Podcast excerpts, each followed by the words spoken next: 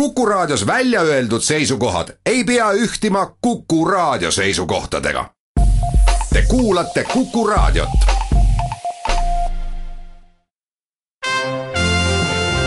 Tallinna Filharmoonia esitleb Filharmooniline huvitaja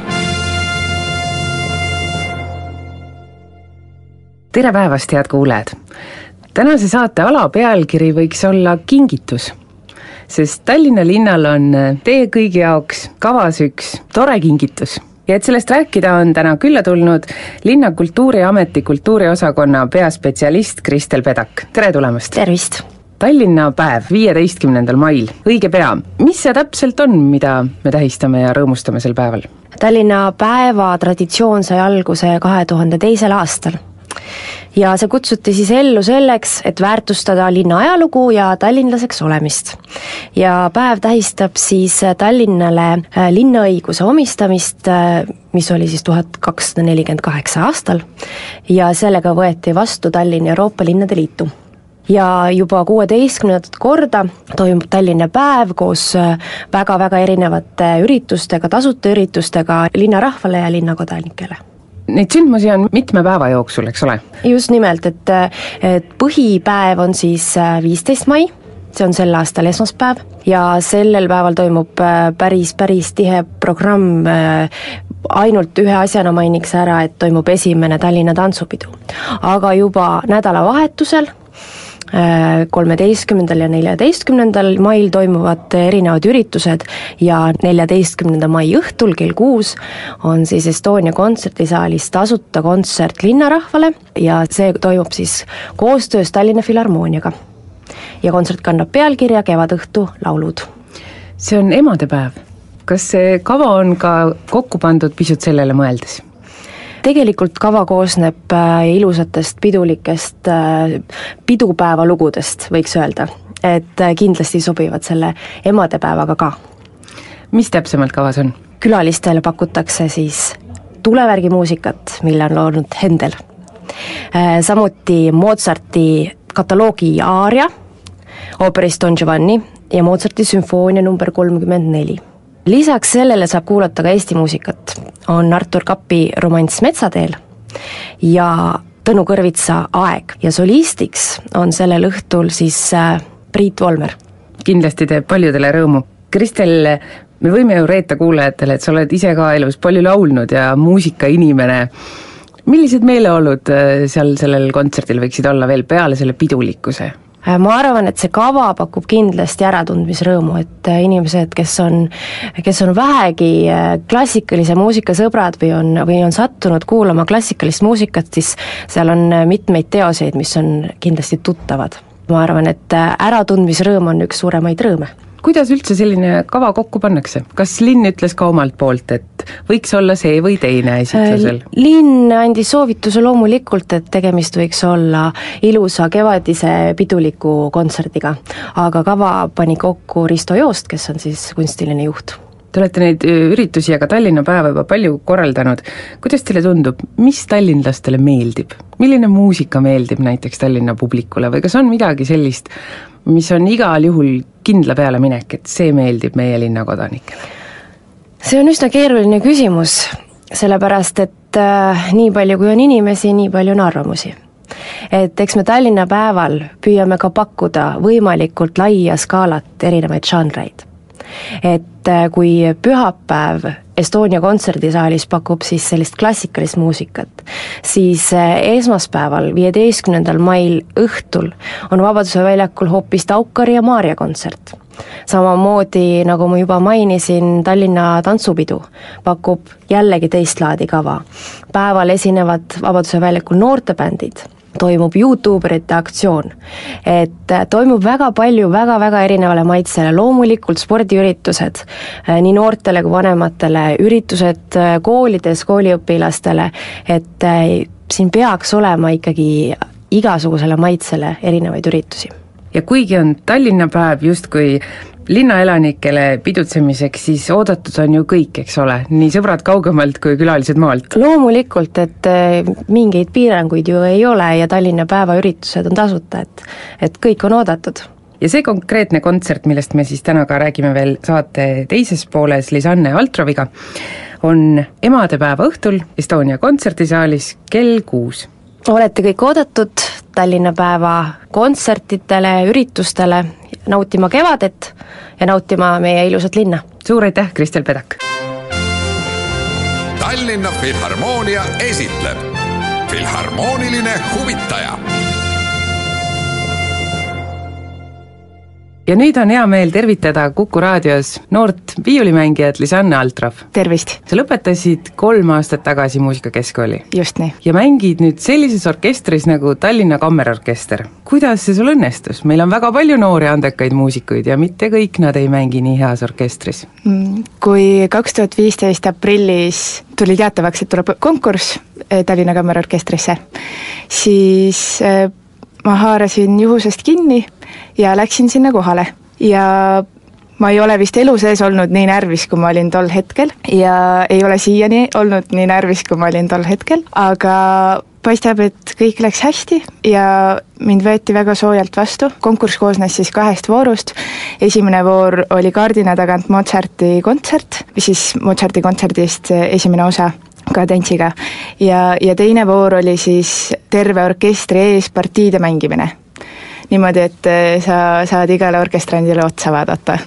ja see oli alguses päris kõhedust tekitav elamus, aga tõesti, orkester võttis mind väga soojalt vastu, isegi naeratasid ja plaksutasid ja kõik sujus. Lisanne, sul on vist ka väga õpetajatega vedanud. sinu õpetaja on olnud Tiiu Peaske, kes on kindlasti Eesti üks parimaid, ja sa oled Arvo Leiburiga koos töötanud. jaa, Arvo Leibur on ka praegu minu õpetaja. ja Tiiuga mul on tõesti väga vedanud, et ta on mind äh, nii-öelda titest saati siis kasvatanud ja, ja kogu minu õppimisprotsessi vältel mind toetanud ja praegu minu eh, kõrvalkirg on ka barokkviiul ja seal on minu juhendajaks siis Meelis Orkse.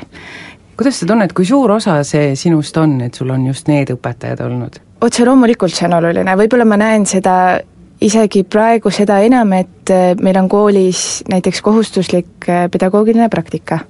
ja minul on ka õpilane. Ja ma näen, kui palju me võtame alateadlikult õpetajatelt üle. Ja kui palju ma võib-olla õpetan praegu sarnaste joontega, kui näiteks Tiiu on mind õpetanud või, või Arvo Leibur praegu, et siis järelikult veab kunagi ka sinu õpilastel, kui sa peaksid neid veel tulevikus võtma endale no ma arvan, et õpilaste võtmine on väga-väga suur vastutus ja eh, see on kindlasti mind praegu õpetanud, et mul õpilane on, aga ma siiski ootaks veel mõni aeg, enne kui ma päriselt õpetama hakkan, kui üldse. aga sa olid ju varem ka, kui sa koolis veel mängisid, sa olid ju siis ka konkurssidel osalenud ja võitnud ka ju? jah, selles mõttes ma pean tunnistama, et kui ma olin noorem, siis eh, ma olin väga tubli ja harjutasin väga palju ja ma leidsin just eh, hiljuti ühe tunnistuse, kus eh, Tiiu ikka kiitis mind siit ja sealtpoolt, aga kuskil põhikoolis ma läksin võib-olla natuke laisaks ja siis neid konkursi saavutusi ei olnud võib-olla seal esikohtades välja lugeda aga gümnaasiumis meil oli ju ka väga tugev klass, Katariina Maria ja Marcel ja ja Robert ja seal on ka puhkpillidest, pianistidest on palju nimesid ette lugeda. et siis võib-olla need konkursi saavutused ei olnud minul nii esirinnas, aga sellegipoolest ma sul on igal juhul hästi läinud ja sul läks see konkurss hästi. kuidas siis on minna noore muusikuna sellisesse toimivasse orkestrisse, kui raske või kerge see oli, kas midagi oli ka sellist, mida sa üldse ei osanud oodata? võib-olla kõige ehmatavam alguses oligi, kui ma aprillis astusin tööle, siis maikuus me sõitsime Berliini ja Kontserthausis oli kontsert. see oli siis koos EFKi ja Tõnu Kaljustega.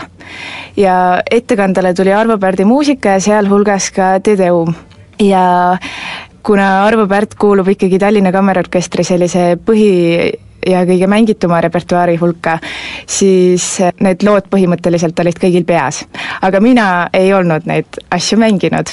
ja Te Deum ei ole ka mitte väga lihtne lugu, eriti veel niimoodi otsekontserdil mängida.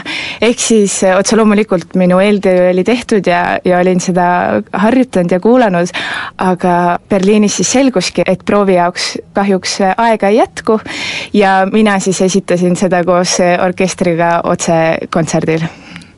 aga kõik läks hästi ja ja selles mõttes, et äh, närvid olid pingul, aga tegelikult kõik läks hästi ja elamus oli selle võrra suuremgi sellistel hetkedel on vist eriti oluline see ühiselt hingamine või see ühine energia, mis orkestris on, et te tõepoolest tunnetaksite üksteist ja et see kõik toimiks ladusalt. see on ülioluline otse loomulikult.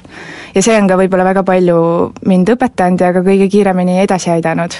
see just ühishingamine ja, ja koos musitseerimine ja paljud ju lähevad pärast kooli välismaale õppima, kindlasti see ongi hea, et on hoopis teised õpetajad ja uued suunad ja tuuled. sina ei ole veel läinud, miks? Eh, ma ei ole läinud seetõttu, et eh, ma sain Tallinna Kammerorkestrisse. muidu oleksid läinud? ei, selles mõttes ma ikkagi algselt plaanisin Eesti Muusika- ja Teatriakadeemiasse minna ja kohe algusest peale on olnud mul ka soov teha Erasmusega aastavahetust. ja tegelikult nüüd tuleval aastal septembris eh, seangi oma sammud Viini, Musik und eh, Kunst Privaatuniversiteeti eh, siis Austriasse ja siis kaks tuhat kaheksateist juulis jälle tagasi ma tahtsin veel küsida, et kuidas see on, et kui noor muusik tuleb orkestrisse, kas tal on ka selline omamoodi rebaste õhtu, et kästakse mingit jubedat lugu mängida ja pärast kõik naeravad või, või midagi sellist? ei, seda ei ole olnud, aga võib-olla orkestripoisid on mind natuke proovile pannud selle Noodi sama liiku vahele pannakse lolle pilte vot, kontserdi ajal. kusjuures eh, seda tehakse meil siiani, aga seda rohkem tegelikult teevad poisid omavahel, jah. nii et sind ei ole kiusatud, heas mõttes muidugi?